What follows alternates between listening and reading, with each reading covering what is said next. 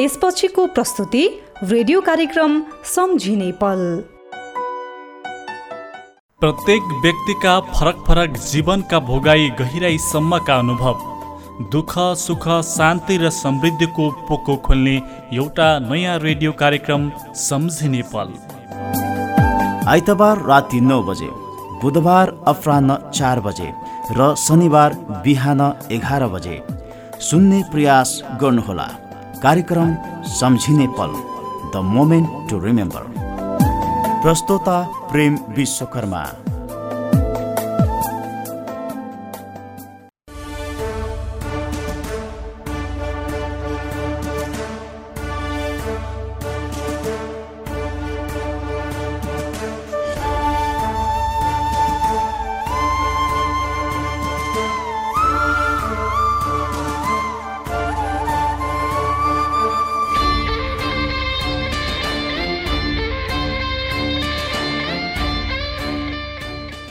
नमस्कार। रेडियो कार्यक्रम सम्झिने पलमा तपाईँलाई हार्दिक स्वागत छ।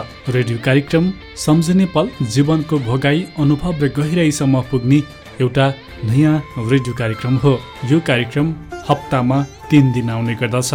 हामी प्रत्येक व्यक्तिका जीवन भोगाई र अनुभवहरू तपाईँ माझ बाँड्ने गर्दछौँ। आज पनि त्यस्तै एउटा जीवनको भोगाई अनुभव लिएर तपाईँ माझमा आइपुगेका छौँ। हामीलाई यति बेला नब्बे मेगाहरसँगै अनलाइन वेबसाइटमा W W dot radio morning star dot com dot NP र गुड न्युज खबर डट कमबाट पनि संसारभर एकैसाथ सुन्दै हुनुहुन्छ। आज पनि रेडियो कार्यक्रम सम्झिने पलको साथमा छु म प्रेम विश्वकर्मा।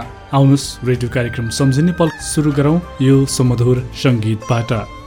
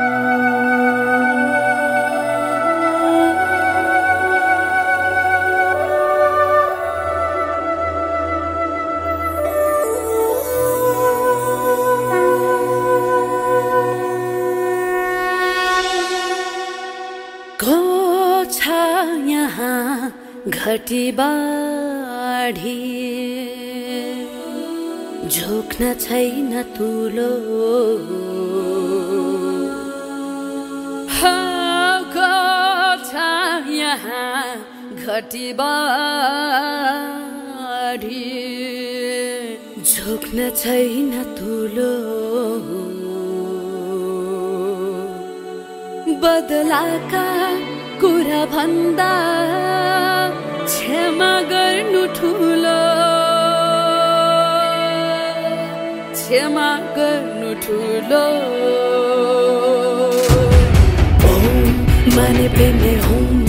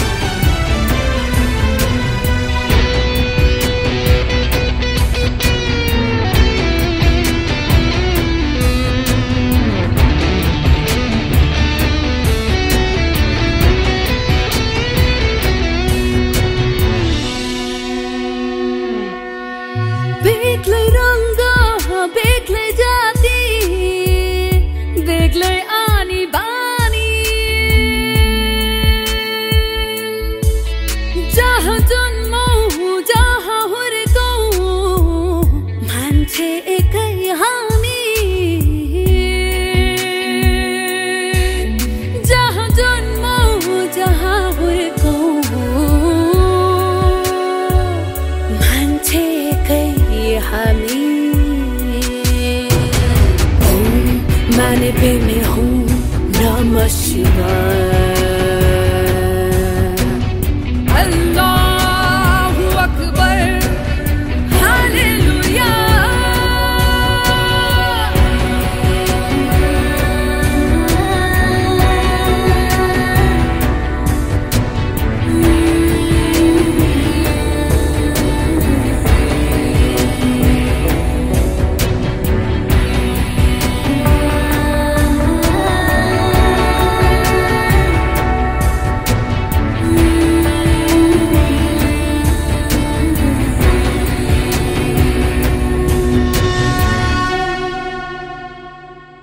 प्रत्येक व्यक्तिका फरक फरक जीवनका भोगाई गहिराईसम्मका अनुभव दुःख सुख शान्ति र समृद्धिको पोको खोल्ने एउटा नयाँ रेडियो कार्यक्रम सम्झिने पल। आइतबार राति नौ बजे बुधबार अपराह्न चार बजे र शनिबार बिहान एघार बजे। सुन्ने प्रयास गर्नुहोला। कार्यक्रम सम्झिने पल। The moment to remember. प्रस्तोता प्रेम विश्वकर्मा।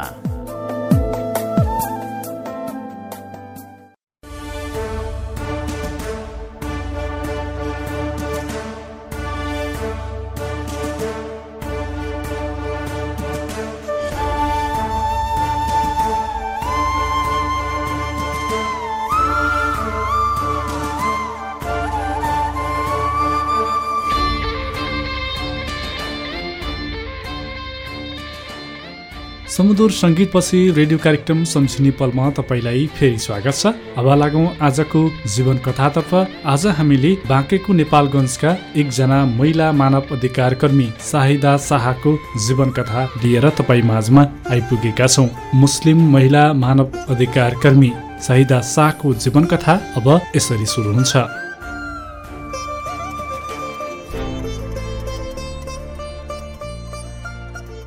एउटा खालको विभेद छ होइन? महिलाहरूसँग र अन्य समुदायसँग गरिने जुन व्यवहार छ ती कुराहरू चाहिँ नहोस् भन्ने त्यस विषयमा चाहिँ आफ्नो कुराहरू राख्ने काम पनि गरिरहेको छु र साथै आफ्नो घर परिवार पनि हेर्ने। हजुर तपाईँ चाहिँ दैनिक जसो होइन?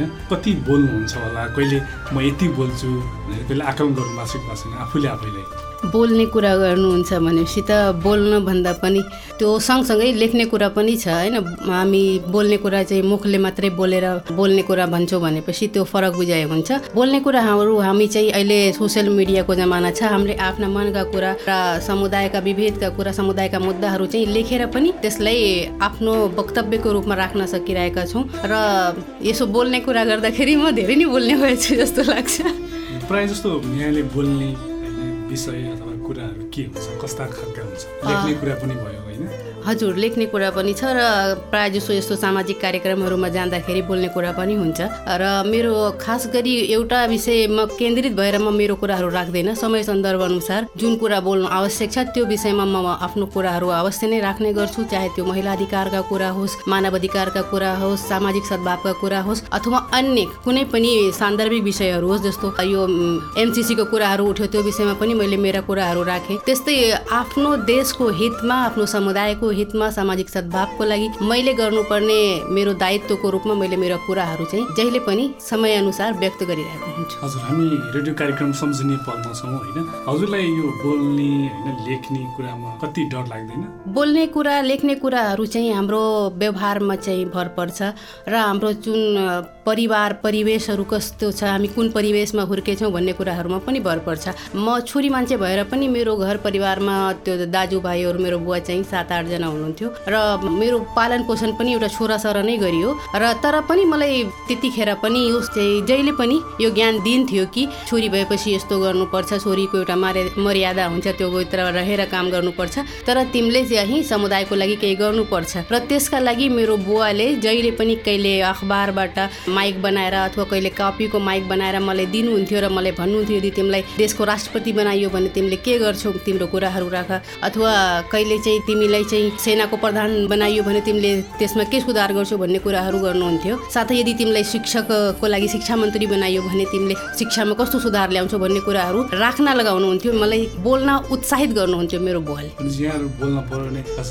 कस्ता व्यक्ति क्षेत्र अथवा त्यो कुरा आफ्नो यहाँको चाहिँ राख्ने बोल्ने आफ्नो विचार व्यक्त गर्ने हुन्छ नि त्यो सीमित व्यक्तिहरूसँग मात्र हो कि? अथवा सबैसँग बराबर नै हुन्छ। मेरो कुराहरू चाहिँ सबैसँग बराबर नै हुन्छ। मैले चाहिँ एउटा यो विषयमा मात्रै बोल्छु अथवा यो व्यक्तिसँग मात्रै बोल्छु यो समुदायको लागि मात्रै बोल्छु भन्ने कुरा छैन। मैले समग्रमा जुन कुरा आवश्यक छ समय सान्दर्भिक छ त्यो विषयमा बोल्छु। धेरै मुस्लिम आमा दिदी बहिनीहरू होइन आफ्नो इच्छा अनुसार कहिले पनि चाहेर पनि बोल्न सक्नु भएको छैन होइन। जस्तो एक लागि म नै भनौँ होइन। अब बोल्नु पर्यो भने आफ्नो घरको पुरुष अनिवार्य चाहियो। उहाँको अनुमति लिएपछि मात्र बोल्नु पर्यो। भनेपछि यो तपाईँ त बोल्न सक्नुहुन्छ। होइन यो खास के हो? यो अनिवार्य जुन छ राख्नु पर्यो यो कारण के हो? तपाईँमा लागु नहुने अरूमा लागु पुरुषलाई अनिवार्य रूपमा सँगै राखेर कुरा गर्नुपर्ने कुराहरू गरिदिन्छ त्यो चाहिँ हाम्रो समुदायले त्यस्तै वातावरण निर्माण गर्यो होइन। त्यो खास गरी मुस्लिमको लागि मात्रै सीमित छैन।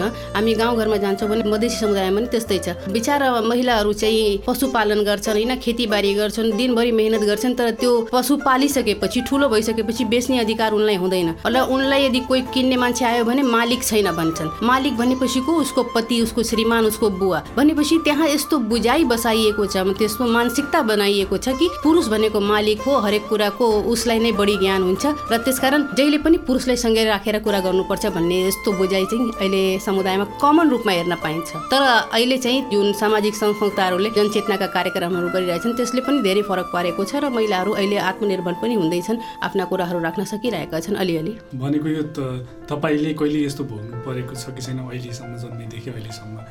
बुवालाई राखेर अथवा भाइलाई राखेर होइन अथवा घरको अन्य सदस्य राखेर चाहिँ कुरा गर्नु परेको अवस्था छ कि छैन आफ्नो जीवनमा? मलाई खासै त्यस्तो अवस्था भोग्नुपर्ने अब चाहिँ समय नै आएन। किनभने सानैदेखि मेरो पढाइहरू पनि त्यस्तै भयो होइन जोइन्ट क्लासहरू रह्यो होइन। मैले गर्ल्स र बोइजसँगै रहेको स्कुलमा पढेँ होइन जस्तो कि अब खास गरी हाम्रो मधेसी मुस्लिम समुदायमा एउटा मान्यता छ बालिकाहरूलाई पढाउनको लागि छुट्टै विद्यालय हुनुपर्छ भन्ने त्यस्तो मान्यता त्यस्तो मान्यता मेरो परिवारमा थिएन र मैले जति जति मास्टरसम्म गरेँ त्यो जोइन्ट स्कुलमै जोइन्ट कलेजमै पढाइ पनि पुरा गरेँ र मेरो परिवारमा पनि महिला पुरुषको समान व्यवहार गरिने। वातावरण थियो। त्यसकारण मलाई चाहिँ मेरो कुराहरू सत्य हुनुपर्छ अथेन्टिक हुनुपर्छ र राख्नको लागि म स्वतन्त्र छु भन्ने कुराहरू त्यस्तरी हुर्काइयो। त्यसकारण मलाई चाहिँ मेरो कुरा राख्नको लागि मेरो बुवा अथवा मेरो भाइ दाई हजुरबाहरू चाहिन्छ भन्ने अ, कहिले पनि त्यस्तो अवस्था आएन। भनेको अहिले तपाईँसँग त्यस्तो लागु भएन होइन? भोग्नु परेन भने चाहिँ घर छेउका दिदी बहिनीहरू समाजमा जिल्लामा देशमा त छ नि होइन त्यस्तो समस्या त अझै? छ नि हाम्रै छरछिमेकमा छ मेरै छिमेकीमा पनि यस्तो छ। यदि कहिलेकाहीँ त्यो कुनै किसिमको डाटाहरू लिन पर्यो भने अथवा कुनै किसिमको सरकारी कुरा कार्यालयबाट कर्मचारीहरू आयो भने पनि उनीहरूले चाहिँ अहिले केही कुरा गर्न सक्दिनँ। साँझ श्रीमान आउनुहुन्छ उहाँलाई सोधेर मात्रै भन्न सक्छु अथवा श्रीमान भएको बेलामा मात्रै आउनु होला भनेर पनि भन्ने गरिन्छ। त्यस्तो अवस्था चाहिँ अहिले पनि छ। उहाँहरू चाहिँ त्यसरी आफ्नो कुराहरू एकल रूपमा स्वतन्त्र रूपमा राख्न पाउने चाहिँ अहिले पनि अवस्था छैन। उनीहरूलाई घरको यो गार्जेन पुरुषको रूपमा अहिले हुनुहुन्छ उहाँलाई चाहिँ सँगै राखेर कुरा गर्नुपर्ने अवस्था छ। त्यसो भनेपछि यसो हजुरले अघि पनि सुरुमा भन्नुभएको थियो बुवाले मलाई तिमी चाहिँ राष्ट्रपति भयो भने के बोल्छौ भन्नुभयो। यस्ता यस्ता धेरै गतिविधि गराउनुभयो भन्नुभयो होइन? भनेको यिनै कारणले तपाईँ सक्षम आँटिली निडर हुनुभयो। के अरू पनि यसमा थप अझै केही छ तपाईँ यति सक्षम निडर बोल्नमा नझुक्ने होइन? अनि त्यसपछि भन्छ अब नडराउने होइन नै मान्छेको आफ्नो को- आँटको कुरा पनि हुन्छ। जस्तो जति अरू पनि म जस्तै अरू पनि महिलाहरू छन् होइन बालिकाहरू छन् उनीहरूले पनि त्यस्तो वातावरण दिइन्छ तर उहाँहरूमा आफैमा आँट आउँदैन र बोल्न सक्दैनन्। कसैले केही भन्छ होला कि म कहिले गलत हुन्छु कि मेरो कुराहरू गलत हुन्छन् कि उनीहरू म गर्न सक्छु भन्ने कुराको मान्यता भन्दा पनि नेगेटिभ कुराहरू उनीहरूको मानसिकतामा बढी आउँछ र उहाँहरू चाहिँ म गलत छु म केही गल्ती गर्छु कि भन्ने कुराहरू आउँछ। त्यसकारण त्यसरी नहुन सक्ने। मैले चाहिँ त्यसरी आफूले त्यस्तो महसुस गरेको छैन। भनेको चाहिँ आँट कसरी आउँदो रहेछ? के गर्यो भने चाहिँ म चाहिँ यो चाहिँ ठिकै बोल्छु है। अथवा चाहिँ होइन म चाहिँ गलत चाहिँ बाटोमा हिँड्दैन। म चाहिँ यो भनेरै सक्छु भन्ने हुन्छ नि। कसरी आउँदो रहेछ तपाईँको आत्मविश्वासमा चाहिँ नि कसरी बढाउनुहुन्छ? मान्छेको आत्मविश्वास उसको आफ्नो कुरामा आफू दृढ हुनुपर्छ। उसको कुराहरू सत्य छन् तथ्यहरू छन् सही त्यो सत्य तथ्य सहितका कुराहरू छन् भने तपाईँमा आफै पनि आर्ट बिल्डअप हुन्छ र तपाईँ चाहिँ आफ्ना कुराहरू राख्न सक्षम हुनुहुन्छ। तर यदि तपाईँको कुराहरू दोधारे छन् होइन मैले राख्न त राखेछु तर मेरो कुरा कसैले नकार दिने हो कि अथवा यसमा कुनै त्रुटि छ कि त्यस्तो कुराहरू यदि भयो भने चाहिँ मान्छेलाई आफै पनि निराशा हुन्छ। तर यदि मान्छेलाई यो थाहा छ कि ऊ सत्य छ उसको कुरा। उसले राख्न खोजेको कुराहरू सत्य छ। उसको उसको जुन भनाइ छन् त्यसको आधार छ भन्ने कुरा यदि उसको विश्वस्तता चाहिँ कायम छ भने पनि उसले आफूलाई समाजको सामु चाहिँ एउटा आँटिलो व्यक्तिको रूपमा चाहिँ प्रस्तुत गर्न सक्षम हुन्छ। हजुर जस्तो तपाईँले कुनै दिन मैले चाहिँ यो विषयमा बोल्दैछु लेख्दैछु भनेर चाहिँ एकदमै डराइ डराइ होइन। के हुन्छ के होला कस्तो कस्तो भनेर सोचेर त्यस्तो काम गर्नुभयो भने त्यसको रिजल्ट चाहिँ राम्रो आएको त्यस्तो केही उदाहरण? धेरै छन् यस्ता त अब यो हाम्रो सामाजिक कुराहरूमा पनि कहिलेकाहीँ यस्ता कुराहरू यस्ता यस्ता मुद्दाहरू धार्मिक मुद्दाहरू यस्ता हुन्छन् जसले उठाउन खोज्दाखेरि अलिक गाह्रो हुन्छ होइन? थ्रेडहरू बढी हुन्छन्। मलाई पनि धेरै जस्तो यस्तो कुराहरूमा थ्रेड आइरहेको हुन्छ होइन? धम्कीहरू आइरहेको हुन्छ तिमी धेरै बोल्ने भयो भने तर चाहिँ त्यसको रिजल्ट चाहिँ पोजिटिभ नै आएको छ धेरै जस्तो मुद्दाहरूमा खास गरी यो मुस्लिम समुदायको कुराहरू गर्दाखेरि महिलालाई शिक्षा दिनुपर्छ भन्ने कुरा यदि उठायो भने त्यसमा पनि तिमीले पढाइदिन्छौ र तिमीले खर्च तिर्दिन्छौ भन्ने कुराहरू गर्नेहरूले नै अहिले चाहिँ आफ्नो छोरीहरूलाई पढाउँदैछन्। र मैले चाहिँ इस्लाममा चार विवाहको आदेश छ यो कुरा गलत हो भन्ने कुरा मैले चाहिँ उठाउँदाखेरि अथवा छैन इस्लाममा चार विवाहको आदेश भन्ने कुरा मैले लेख्दाखेरि मलाई धेरै थ्रेड आयो। तिमी इस्लाम विरोधी कुरा गर्न थालेको छौ भनेर तर पछि उहाँहरूले त्यो कुरा बुझ्दै जाँदाखेरि हो वाकै सो त्यो कुरान शरीफमा लेखेको छ कि चार विवाह गर्न सक्ने आदेश चाहिँ छैन। यो एउटा अनुमति मात्रै हो। भन्नाले गर्न सक्छौ तर चाहिँ त्यसको विभिन्न कन्डिसनहरू राखेको छ। त्यो पुरा गरेपछि मात्रै गर्न मिल्छ होइन भने एउटा विवाह पनि नगर्ने कुराहरू पनि इस्लामले गर्दैछ। तर एउटा विवाह नगर्ने कुरा चाहिँ छुट्टै राखेर चारवटा गर्नुपर्छ भन्ने कुराहरूले बढी उचाल्ने। अनि त्यतिखेर चाहिँ मलाई यो कुराले धेरै थ्रेडहरू आयो र पछि चाहिँ जो समाजका विद्वानहरू थिए होइन उनीहरूले बुझेपछि हो यो कुराहरू उठाउनुपर्छ भन्ने कुराहरू उहाँहरू पनि उठाउन सुरु गरेका छन्। जस्तो तपाईँले आफ्नो जीवनमा होइन एउटा यो समस्या अब यस्तै अरू पनि समस्याहरू केही भोग्नु परेको आफ्नो जीवनमा अहिले जन्मेदेखि हालसम्म अब हेर्नुहोस् पढाइकै लागि अब मेरो घर परिवारमा होइन उतिखेर स्कुल जाने कोही थिएन। मेरो एजका जम्मैहरू होइन बालिकाहरूको चाहिँ विवाह गरिदिन्थ्यो होइन। म एसएलसी गर्दै बेलामा पनि मेरो परिवारमा आएर नातादारहरूले सधैँ बुवालाई मम्मीलाई भन्दै गर्थे के अरे अब छोरी ठुलो भएपछि सानी भएपछि उसको विवाह विवाह गरिदिनुपर्छ अरे सयानी भएपछि भनेपछि औधी वर्ड हो त्यहाँ जोडेको छु। अनि विवाह गरिदिनुपर्छ भन्ने कुरा। अनि यदि गर्दैनौ भने त्यो चाहिँ अन्तै लाग्छ पहिलो गइहाल्छ भनेर कुराहरू गर्थे। तर चाहिँ मेरो बुवाले मलाई धेरै सपोर्ट गर्नुहुन्थ्यो त्यतिखेर पनि। होइन तिमी अरूको कुरामा लाग्नु पर्दैन। तिमीले तिम्रो पढाइ पुरा गर्नुपर्छ र समुदायको लागि केही गर्नुपर्छ। मैले तिमीलाई यो यहाँसम्म ल्याउन ल्याएर छोडिदिने मात्रै होइन मेरो यो निर्णय र मेरो आशय। तिमी समुदायको लागि केही गर्नु गर्न सक्छौ भनेर नै मैले तिमीलाई यहाँ पढाउन खोजिरहेको छु। र तिमी म मेरो बुवाले उहाँहरूले पनि त्यही भन्नुहुन्थ्यो। मेरो छोरीले जतिसम्म पढ्न चाहन्छ उसलाई हामी पढाउँछौँ। र उसले गर्न जे चाहन्छ यदि उसले विवाह गर्न चाहन्छ भने उसलाई विवाह गर्ने पनि अनुमति छ। यदि उसले विवाह गर्न चाहँदैन भने उसलाई विवाह गर्ने हामी फोर्स गर्दैनौँ। र अहिले मैले विवाह गरेको छैन।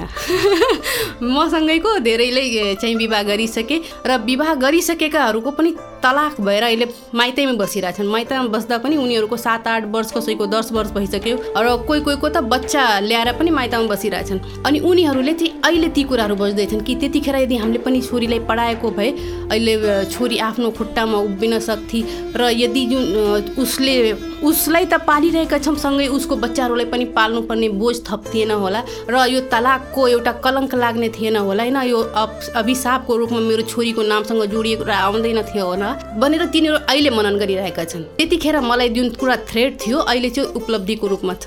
अहिले चाहिँ व्यक्तिहरूले आफ्नो छोरीहरूको मेरो टोल छिमेका मान्छेहरूले आफ्नो छोरीहरूको विवाह पनि उमेर पुगेर गर्ने प्रयास गरिरहेका छन् र साथै उनीहरूले अब छोरीहरूलाई पढाउन पनि सुरु गरेका छन्। त्यति बेला तपाईँको अवस्था र आजको दिनमा के छ अवस्था? कस्तो थियो? अलिकति पारिवारिक अवस्थामा आफ्नो परिचय परिवारको परिचय गराइदिनु धेरैलाई चाहिँ साइदा शाह कस्तो परिवारको मान्छे को को छ होइन? बिहा त गएको छैन होइन? हजुर।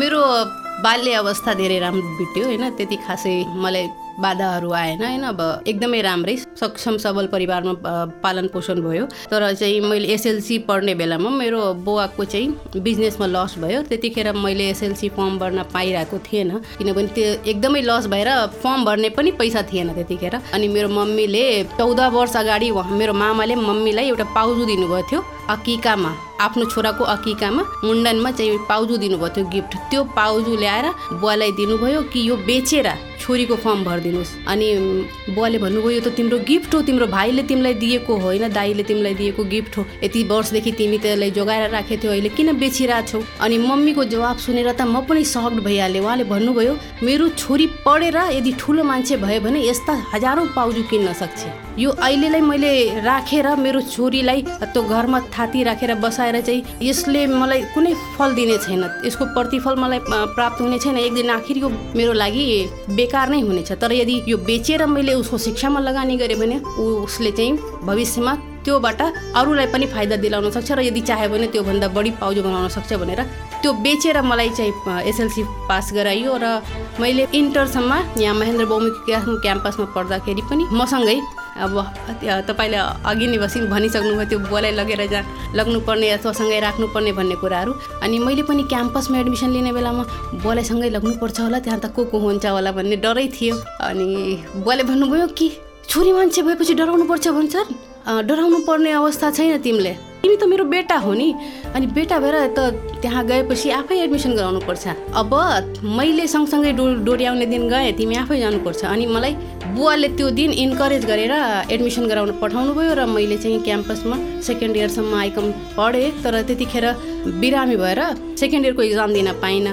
अनि बिचमा एक वर्ष जति ग्याप भयो मेरो त्यसपछि मैले पुनः अफिस पनि जोइन गरेँ। फातिमा फाउन्डेसन नेपाल र सँगसँगै आफ्नो पढाइलाई पनि बुवाले भने जस्तै कन्टिन्यू गरेँ र इन्डियाबाट नै आइए बिए र एमएसम्म कम्प्लिट गरेँ। मेरो बुवाको डेथ चाहिँ मैले ब्याचलर गर्ने बेलामा भयो अनि मेरो हजुरबुवाको डेथ मेरो एमएको सेकेन्ड इयरको इक्जामको बेलामा भयो अनि मेरो मम्मी चाहिँ एमएको इक्जाम पछि उहाँको डेथ भयो।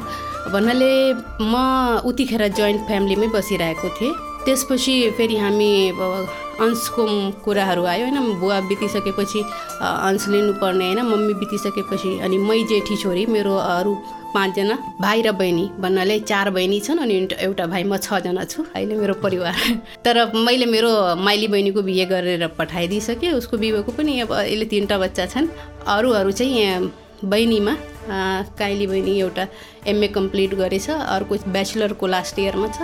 भाइ पनि अब काम सिक्नलाई ऊ ऊ चाहिँ म सोसल सेक्टरमा लाग्ने बेलापछि बुवा पनि घरमा हुनुहुन्थेन मम्मी पनि नभएको बेलामा बहिनीहरू पढाइ गर्ने अनि भाइलाई हेरिदिने मान्छे कोही भएन। अनि स्कुल पठाउँछु त ऊ साथीहरूसँग कहिले क्रिकेट खेलिरहन्छ कहिले बागेश्वरी मन्दिरमा गएर साथीहरूसँग गफ हाकिरहेको हुन्छ भनेर दिनकै मसँग टोल छिमेका मान्छेहरूले आएर सिकायत लगाउँथे तिम्रो भाइ त आज उहाँ बसेर क्रिकेट खेलिरहेको थियो तिम्रो भाइ उहाँ।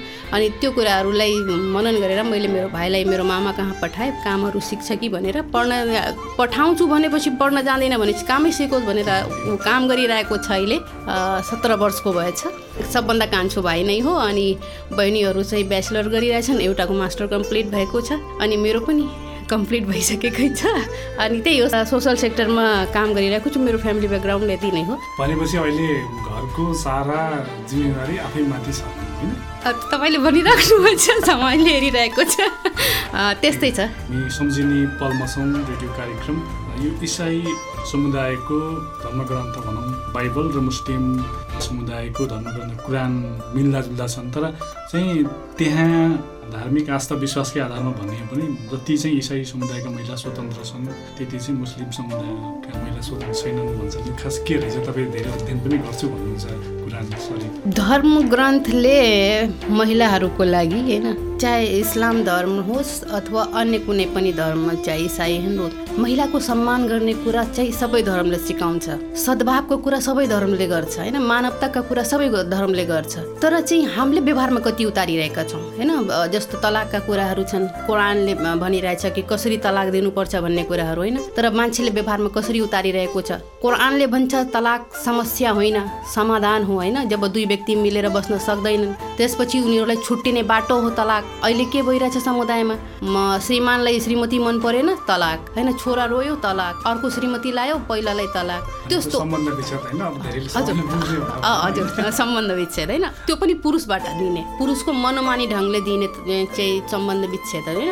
अर्को कुरा चाहिँ अब बहुविवाहका कुराहरू छन् होइन? इस्लामले भनिरहेको छ तपाईँलाई बहुविवाह गर्ने आदेश छैन। तर गर्न सक्नुहुन्छ यदि तपाईँले दुईटा श्रीमती बीच इन्साफ न्याय गर्न सक्नुभयो भने। त्यो पनि यस्तो न्याय जसमा चाहिँ माया प्रेम सेवा सुविधाहरू केही पनि फरक अलिकति पनि नपरोस्। तर अहिलेको अवस्थामा मलाई लाग्छ नेपाल होइन कि विश्वमा कुनै यस्तो व्यक्ति छैन जसले दुई व्यक्ति बिच दुई श्रीमती बिच समान व्यवहार गर्न सकोस् अथवा समानतापूर्वक उसलाई हेर्न सकोस्। चाहे त्यो माया प्रेमको कुरा होस् सद्भाव सम्पत्तिको कुरा सेवा सुविधाको ध्यानको कुराहरू होइन उस उसको हेरचाहको कुराहरू होस् त्यो गर्न सक्दैन। त्यसकारण त्यो यदि गर्न सक्दैन भनेपछि त इस्लामको खिलाफ भयो नि। अनि जब गर्नै सक्दैन भनेपछि त गर्न मिल्दैन। तर पनि तिनीहरूले त्यसलाई बेस बनाएर अब गर्नुपर्छ इस्लामले भनेको भनेको छ। आदेश दिएको छ। आदेश त दिएकै छैन। गर्नै पर्छ भन्ने कुरा कर लागेको छैन।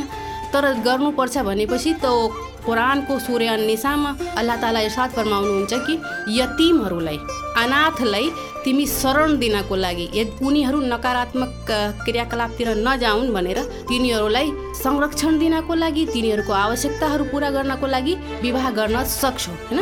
एक वा दुई। यदि तिमीलाई जति क्षमता छ तिमीमा तिमी त्यति गर्न सक्छौ। तर शब्द जोडेको छ अनाथ। अनाथसँग कसले विवाह गरिरहेको छ? त्यस्तो त छैन। अझ विवाह गर्ने बेलामा पहिलो श्रीमती छ भनेपछि कान्छी श्रीमती ल्याउने फेरि त्योभन्दा ब्युटी त्योभन्दा ह्यान्डसम क्युट अनि अलि मोडेल खालको चुनेर ल्याउँछन्। अनि त्यो इस्लामले हजुर।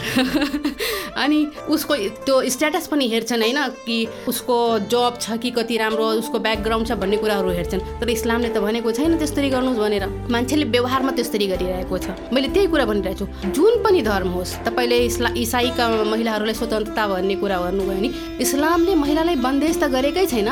यो त समुदायको व्यक्तिहरूले आफू खुसी कुरानको व्याख्या विश्लेषण गरेर उनीहरूले आफ्नो मन परी ढङ्गले त्यसलाई आफ्नो फाइदा अनुसार व्यक्तिगत स्वार्थको लागि चाहिँ त्यसको प्रचार प्रसार गरेर हलालाका कुराहरू छन् तलाकका कुराहरू बहुविवाहका कुराहरू छन् ती कुराहरू गर्दछन् र शिक्षाको कुरा गर्छु भनेपछि त इस्लामले भन्छ हामी अहिले कुरा गर्छौँ समान शिक्षाको लागि होइन तर इस्लामले चौध सय वर्ष अगाडि भन्यो तलबुल इल्मे अलकुल्ले मुस्लिमिन उल मुस्लिमा सबै मुस्लिम मर्द औरत भन्नाले सबै महिला पुरुषको लागि शिक्षा समान छ। र यो आदेश हो। शिक्षा आदेश हो। तर शिक्षालाई ग्राह्यता दिँदैनन् शिक्षालाई मान्यता दिँदैनन्। बहुविवाह अनुमति सक्छौ भने गर होइन? सक्दैनौ भने नगर। त्यो कुरालाई हाइलाइट गर्छन्। शिक्षा जुन कुरा आदेश छ जुन कुरा फर्ज छ कर्तव्य हो त्यो कुरा गर्दैनन्। भनेपछि अब तपाईँ जस्तै आफै चाहिँ पढ्नु पर्यो र घर परिवार आफन्तले चाहिँ छोरीलाई अब हौसला दिनु पर्यो। त्यो गर्नु पनि जरुरी छ र सकभर हामीले यस्तो वातावरण निर्माण गर्नुपर्छ कि जहाँ एउटा छोरीले एउटा महिलाले आफूलाई आफ्नो इच्छा अनुसार शिक्षा आर्जन गर्न पाओस्। ऊ आफ्नो इच्छा अनुसार जुन उसको दायरा छ होइन उसले कुन सेक्टर रोज्न चाहन्छ त्यो उसलाई रोज्ने स्वतन्त्रता होस् चाहे ऊ पढाइको क्षेत्रमा होस् वा अन्य कुनै विवाहको कुरा छ। अब विवाह गर्ने बेलामा घरका मान्छेहरूले तय गरेर विवाह फाइनल गरिदिन्छन्। कहिलेकाहीँ छोरी चाहिँ तेह्र वर्षको हुन्छ अनि दुला चाहिँ साठी वर्षको हुन्छ। त्यो अनमेल विवाह पनि भइरहेको हुन्छ कहिले बाल विवाह भइरहेको हुन्छ बहुविवाह त्यहाँ चाहिँ महिलालाई स्वतन्त्रता दिएको छ इस्लामले। इस्लाममा महिलालाई सबभन्दा बढी प्रायोरिकता दिएको छ। विवाहका कुरा लियौँ भने यदि महिला इन्कार गर्छ भने त्यो विवाह हुँदैन। विवाह गर्ने बेलामा सबभन्दा पहिला अनुमति लिने अधिकार अनुमति दिने अधिकार महिलालाई छ। निकाह जब हुन्छ विवाह हुन्छ कुबुल है भन्ने शब्द चाहिँ सबभन्दा पहिला बोल्न पाउने अधिकार महिलालाई छ। यदि महिलाले इन्कार गर्यो भने त सक्यो। परिवारको सम्पूर्ण रेखदेख लिएर सबै काम चाहिँ जिम्मेवारी चाहिँ लिनुभएको छ होइन? आफै पनि चाहिँ अब सफल हुन स भनेपछि यो जीवनमा चाहिँ मान्छेहरू चाहिँ महिला पुरुष सबै सफल हुनलाई के गर्नु पर्दो रहेछ? मान्छे भएपछि मान्छेको जीवनको एउटा लक्ष्य हुनुपर्छ।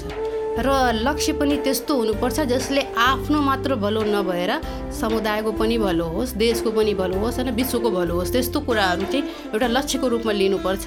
र त्यो लक्ष्यलाई पुरा गर्न जति बाधा अवरोध आए पनि आफ्नो लक्ष्य चाहिँ फेरिनु हुँदैन। यदि तपाईँले लक्ष्य पटक पटक फेर्नुहुन्छ भने तपाईँको चाहिँ सफलता पनि त्यस त्यही बिच हराउँछ।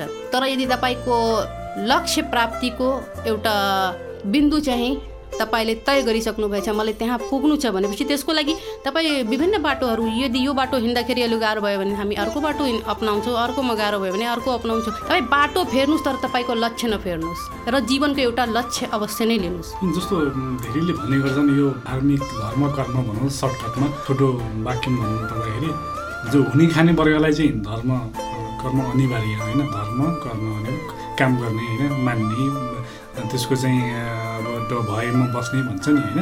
अब जसलाई चाहिँ केही छैन जो चाहिँ सडकमा बस्छ उसलाई चाहिँ साँझ के खाम बिहान के खाम के दिउँ के गरौँ भन्ने हुन्छ त्यसलाई चाहिँ के मतलब हुँदैन भन्ने हुन्छ।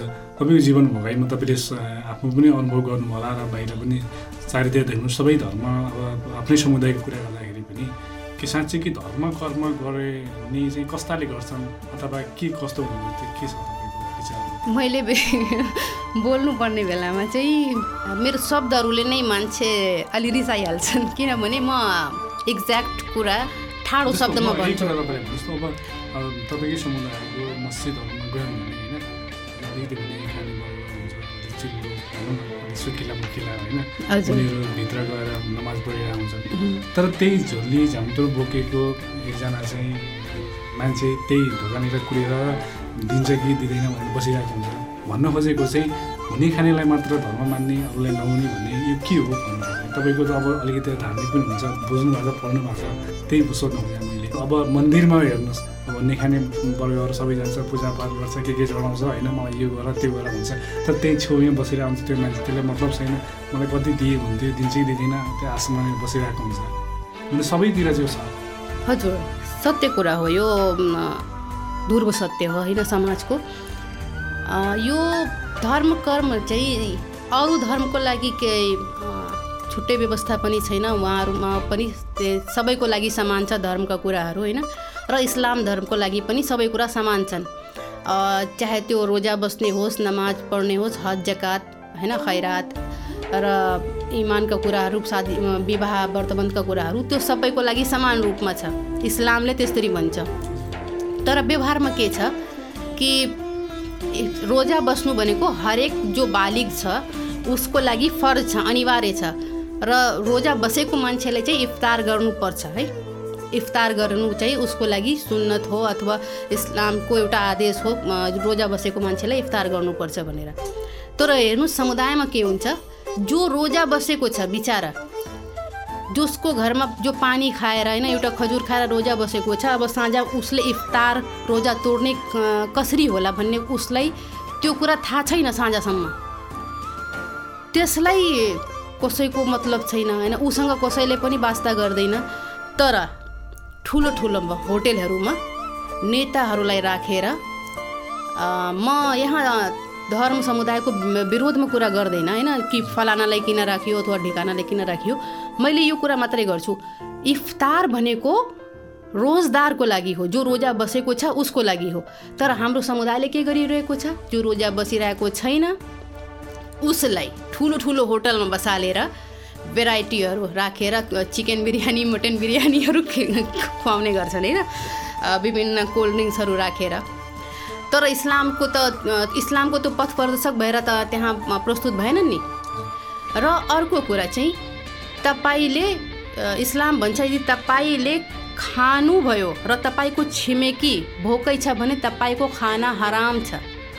तर हाम्रो समुदायमा हामीले ए, कतिले यो कुराहरू व्यवहारमा गरिरहेको छौँ कतिले आफ्नो छिमेकीलाई गएर सोधिरहेको छौँ कि तपाईँको घरमा खाना पाकेको छ अथवा बच्चाहरू भोकै सुतेछन् अथवा तपाईँहरू रोजा बस्दाखेरि के खानुभयो भन्ने कुराहरूसँग कसलाई मतलब छ छैन। नमाज पढ्ने कुराहरू पनि त्यस्तै छन्। र जोसँग जो बाहिर मस्जिदको बाहिर बसिरहेको छ उसँग नुहाएर फेर्ने कपडा छैन अनि उसले कसरी नमाज पढोस्? र नमाज पढ्ने जुन भित्र गइरहेका व्यक्तिहरू छन् उनीहरूसँग यति कपडा छ कि आज कुन लगाउने भन्ने कुरा उनीहरू विचार गर्न सकिरहेको छैन। अनि त्यो असमानता छ नि। धर्मले त त्यहाँ असमानता तपाईँ गर्नुहोस् भन्ने कुरा भनेको छैन। तपाईँ हेर्नुहोस् तपाईँको समुदायको आवश्यकता के छ को आवश्यक अ, कसले आवश्यकता छ जसले चाहिँ तपाईँ दिएर उसलाई पुग्छ भन्ने कुराहरू। अर्को कुरा गर्दाखेरि जुन पूजापाठ स- सबै कुराहरू गर्दाखेरि हामी जुन दानका कुराहरू गर्छौँ इस्लामले भन्छ यदि तपाईँले दायाँ हातले दान गर्नुभएको छ भने बायाँ हातलाई खबर नहोस्। र उहिले एउटा कहावत थियो नेकीकर दरियामे डाल। अहिले नेकीकर फेसबुक पे डाल नेकीकर ट्विटर पे डाल नेकीकर इन्स्टाग्राम पे डाल। अनि हामीले धार्मिक जुन आस्थाका कुराहरू छन् त्यसको जुन मूल मन्त्रहरू छन् मर्महरू छन् त्यो चाहिँ बिर्सिरहेका छौँ र हामी धर्मको नाममा अहिले प्रचारबाजी गरिरहेका छौँ होइन? आफ्नो म कति दानी हुँ भनेर देखाउनको लागि दुई सयजना आफ्नो घर अगाडि भिड झुन्ड्याउँछौँ र सय सय रुपियाँ दान दिन्छौँ। बिचरा त्यो सय रुपियाँले के गर्छ? सय रुपियाँले उसलाई के हुन्छ भन्ने कुरा हामीसँग मतलब हुँदैन। न हामीले त्यसमा कुनै विचार गर्छौँ तर हामी फोटो ठुलो खिचेर हाल्छौँ कि हामीले दुई सयजनालाई दान गऱ्यौँ कपडा दिने बेलामा हामी जुन सबभन्दा सस्तो खाले कपडा हुन्छ जस्तो हामीहरू जकात दिने गर्छौँ होइन? र रमजानमा हामी दान दिने गर्छौँ। मैले हेरेको समुदायको कुरा गरिरहेको म यहाँ। यस्तो सस्तो कपडा किनेर ल्याउँछन् दान गर्नको लागि। कि चाहिँ त्यो मान्छेले सिलाउँदाखेरि नै अ, च्यात्तिन्छ होला। अनि तपाईँले त्यो बिचरा लगाउनै पाएन अथवा लगाएको एकचोटि मात्रै धुन्छ त्यो अर्कोचोटि धुने लायक पनि हुँदैन। त्यो कपडा दिएर तपाईँले के उपकार गर्नुभयो? कि त्यो देखावाको कुरा अल्लाहले ईश्वरले भगवान्ले यीशुले स्वीकार गरिरहेका छन्? हामीहरू कहाँ गइरहेछौँ? धर्मको कुरा गर्छौँ तर धर्मको मर्मलाई चाहिँ पछि पार्दै धर्मको मर्मलाई हामीहरू किल्चिँदै गइरहेका छौँ। अहिले हामीले मनन गर्नुपर्ने कुरा के छ भने हामी सत्यको बाटोमा यदि छौँ धर्मको बाटोमा छौँ भने धर्मको हर्फ बर हर्फ जुन कुराहरू छन् नि त्यसमा हामीले आफ्नो व्यवहारलाई लागू गर्नुपर्ने आफ्नो व्यवहारमा लागू गर्नुपर्ने अवस्था छ। तर त्यो अहिले देखिरहेको छैन। र हजका कुरा गर्नुहुन्छ भने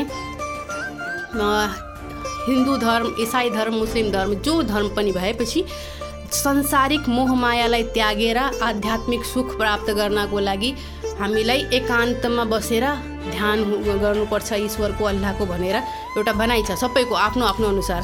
इस्लाममा पनि त्यस्तै छ कि तपाईँ जब हज गर्न आउनुहुन्छ भने तपाईँ आफ्नो आफन्तको मोहमाया आफ्नो संसारिक मोहमाया ध्यान कुराहरू सबै धन सम्पत्ति छोराछोरीहरूको मोह त्यागेर आउनुहोस्। एउटा कपडामा एहराम भनेर सेतो कपडा दिइन्छ। न त्यसमा पकेट हुन्छ त्यो कपडामा न केही फेसन सेसन गरिएको त्यो बुट्टा सुट्टा हुन्छ। त्यो कपडा लगाएर मेरो घरमा आउनु काबा शरीफमा। अनि मलाई याद गर्नुहोस् मलाई सम्झिनुहोस्। तिमी यहाँ अहिले नितान्त अल्लाहको लागि आएको छौ भनेर त्यो कुराहरू मनन गर्नुहोस् भनेर मेरो ध्यान गर्नुहोस् होइन मलाई सम्झिनुहोस् नमाज पढ्नुहोस् भनेर अल्लाहले त्यसरी भन्नुभएको छ। तर के भइरहेछ हेर्नुहोस्? अहिले पनि हज गर्ने जाने बेलामा मान्छेहरू त्यहाँ गएर सेल्फी लिएर काबाको नजिक सेल्फी लिन्छन् है। मदिना शरीफको नजिक सेल्फी लिन्छन्। इफ्तार गरिरहेको छु भनेर हरम शरीफमा त सेल्फी लिन्छन्। अहिले प्लेनमा चढ्दैछु त। त्यो कुराहरू त्यो देखावा गर्नुपर्ने कुरा आवश्यक छैन न। धर्मले तपाईँले भनेको छ कि तपाईँ देखावा गर्नुहोस्। र तपाईँले आफूलाई म यति ठु अहिले के चलन छ? म यति हज गरिसकेँ भन्ने कुराहरू देखाउन लेखाउन चाहिँ सुरु गरेको छन्। हुन त हज हामीले अल्लाहको लागि गरेका छौँ। तर चाहिँ हामीले अहिले देखाउने बेलामा फलानाले यति उम्रा गर्यो यति हज गर्यो यति दान गर्यो त्यो कुराहरू चाहिँ भइरहेछन् धर्म कर्मका कुराहरू गर्दाखेरि। र धर्मलाई अहिले चाहिँ राजनीतिसँग जोडेर प्रयोग गरिरहेको अवस्था पनि छ। अब हामी कार्यक्रमको अन्त्यतिर छौँ होइन? हजुरले चाहिँ कहिलेकाहीँ चाहिँ यो कति बोल्नु होइन? कति चाहिँ अधिकारको कुराहरू कति आफ्नो चाहिँ के पुगेन के ल्याउने के खाने भन्ने त्यो तनाव लिनु कहिलेकाहीँ चाहिँ अलिकति शान्त वातावरणमा ध्यान गरौँ केही मनोरञ्जन कुरा गरौँ भन्ने यस्तो केही जस्तो घुम्न जाने अथवा केही गीत सङ्गीत सुन्ने गर्नु चाहिँ भन्नु खाली समयमा के गर्नुहुन्छ मेरो खाली समय पनि खाली हुँदैन हेर्नुहोस्। किनभने म खाली समयमा आर्टिकलहरू लेख्ने विभिन्न विषयहरू सोच्ने कि मैले अब कुन विषयमा लेख्नुपर्ने आवश्यकता छ भन्ने कुराहरू गर्छु। मलाई लाग्छ मेरो जीवन र अरूको जीवनमा चाहिँ यही फरक छ होला। मान्छेले आफू चाहिँ बोर भएपछि म यो गर्नुपर्छ होइन बाहिर घुम्नुपर्छ गीत सुन्नुपर्छ। मलाई गीत सुनेपछि बोर लाग्छ। अब घुम्न जाने भनेपछि त कति घुमिराख्नुपर्ने धुलो धुवा खान भनेपछि त्यस्तो सोच आउँछ। फिल्म हेऱ्यो भने तिन घन्टा त यस्तै लस भइहाल्छ भन्ने सोध्छु म। बरु त्यही तिन घन्टा यदि मैले कुनै आर्टिकललाई दिएँ कुनै विषयवस्तुलाई दिएँ भने त्यसले समुदायलाई केही फरक पार्छ होला। नभए एउटा दुइटा मान्छेको चाहिँ जीवनमा अलिकति सकारात्मक प्रभाव पार्यो भने त्यो मेरो त्यो तिन घन्टा सफल हुन्छ तर मैले तिन घन्टा त्यो फिल्म हेरेर बिताएँ भने त मेरो पनि लस समुदायको लागि पनि मैले केही गर्न सक्ने अवस्था हुँदैन। त्यसकारण मैले चाहिँ मेरो खाली समय समुदायका मुद्दाहरूलाई चिन्तन मनन गर्छु। यहाँको चाहिँ अबको लक्ष्य के छ? लक्ष्य भनिन्छ कि यदि तपाईँको लक्ष्य सुनेर मान्छे हाँस्दैन भने यो सोच्नुहोस् तपाईँको लक्ष्य बहुत सानो छ। मैले पनि भन्छु। मेरो फेसबुक स्टेटसमा धेरै पहिला मैले करिब दस एघार वर्ष पहिला एउटा हालेको थिएँ। I became a prime minister म प्राइम मिनिस्टर बन्न चाहन्छु। अनि लक्ष्य पनि त सानो लिनु भएन नि। तपाईँ पनि हाँस्नुभयो हेर्नुहोस्। यस्तै हो मेरो लक्ष्य पनि यस्तै हो। म राजनीतिक क्षेत्रमा लागेर भए पनि समुदायका जुन नकारात्मक कुराहरू अप अपराधका कुराहरू छन् ती कुराहरूलाई चाहिँ न्यून गर्नको लागि मेरो स्तरबाट म पहल गर्न चाहन्छु। र त्यसको लागि अब म फेरि राजनीतिमा जोडेको पनि छैन।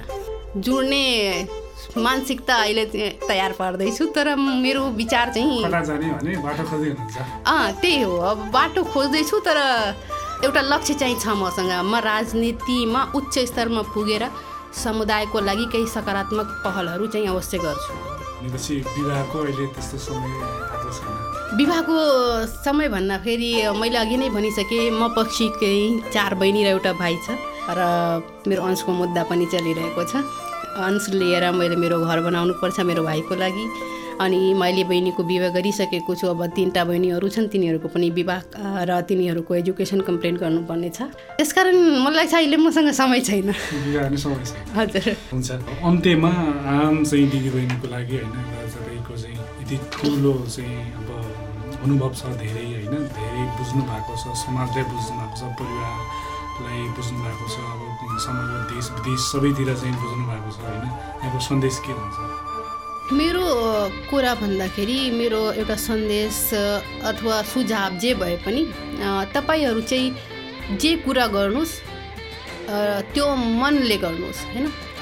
र त्यसमा चाहिँ सत्यता हुनुपर्ने र लगनशीलता हुनुपर्ने। तपाईँ झुट्टा कुरामा लगनशीलता लगायो भने त्यो अपराध हुन्छ। झुट्टा कुरामा मिहिनेत गऱ्यो भने तपाईँ अपराधी हुनुहुन्छ त्यतिखेर। तर चाहिँ तपाईँको कुरा सत्य हुन्छ मेहनत लगन चाहिँ प्रशस्त हुन्छ भनेपछि तपाईँ एउटा सफल व्यक्तिको रूपमा पछि चाहिँ भनिन्छ सफलता एक दिनमा प्राप्त हुँदैन तर एक दिन अवश्य प्राप्त हुन्छ। त्यसकारण एक दिन सफलता प्राप्त गर्नको लागि मेहनत चाहिँ निरन्तर गर्नुपर्छ र त्यसमा पनि सत्यको आधार बनाएर। हुन्छ व्यस्त भएर समय दिनुभयो। रेडियो कार्यक्रम सम्झिनु हस् यहाँलाई पनि मेरो कुराहरू समाज सामु पुर्याउनको लागि मलाई जुन निम्तो दिएर यहाँ बोलाउनु भयो त्यसको लागि पनि धन्यवाद।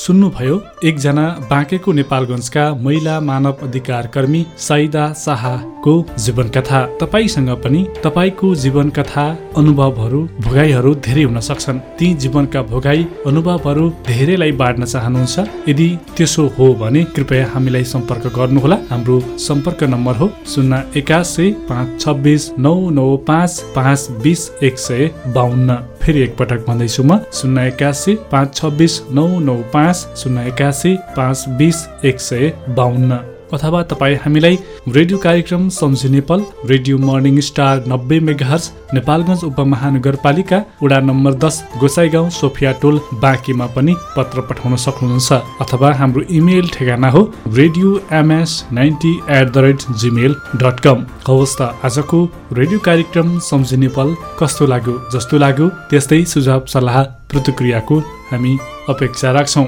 हामीलाई यतिन्जेलसम्म सुनेर साथ दिनुभएकोमा तपाईँ सबैलाई एकैसाथ धेरै धेरै धन्यवाद। भन्दै आजको लागि कार्यक्रम प्रस्तुता प्रेम विश्वकर्मा बिदा माग्छु। नमस्कार।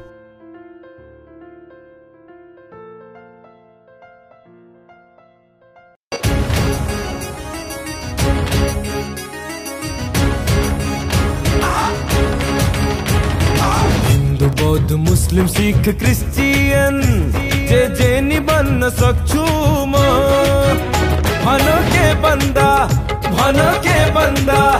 भन के बन्दा तिमीलाई आफ्नो।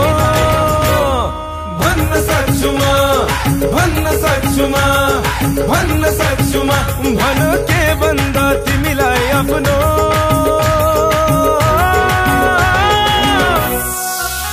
ए भन्न सक्छु म भन्न सक्छु म ए भन्न सक्छु म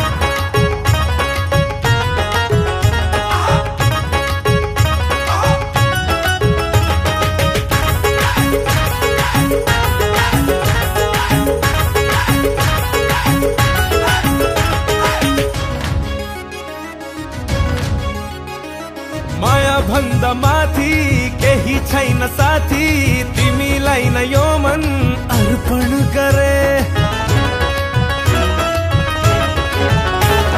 माया भन्दा माथि, केही छैन साथी तिमीलाई न यो मन अर्पण गरे। चाहे सुख, चाहे दुख, चाहे हंसू, चाहे रोहूं तर पनि जीवन। समर्पण गरे समर्पण गरे हिन्दू बौद्ध मुस्लिम सिख क्रिस्चियन जे जे नि बन्न सक्छु म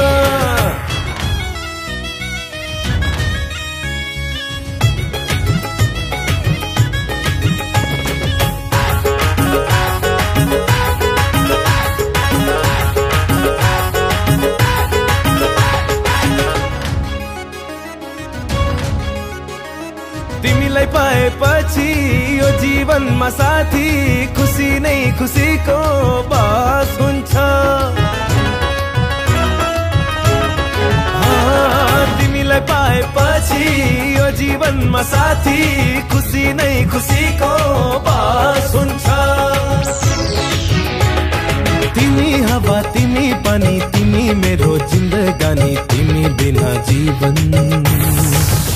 जिउँदोला सुन्छ जिउँदोला सुन्छ हिन्दू बौद्ध मुस्लिम सिख क्रिस्चियन जे जे नि बन्न सक्छु म।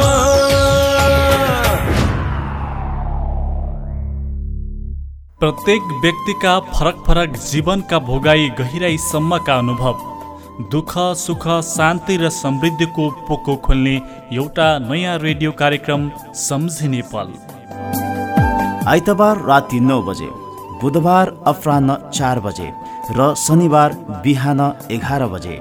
सुन्ने प्रयास गर्नुहोला। कार्यक्रम सम्झिने पल। द मोमेन्ट टु रिमेम्बर प्रस्तोता प्रेम विश्वकर्मा।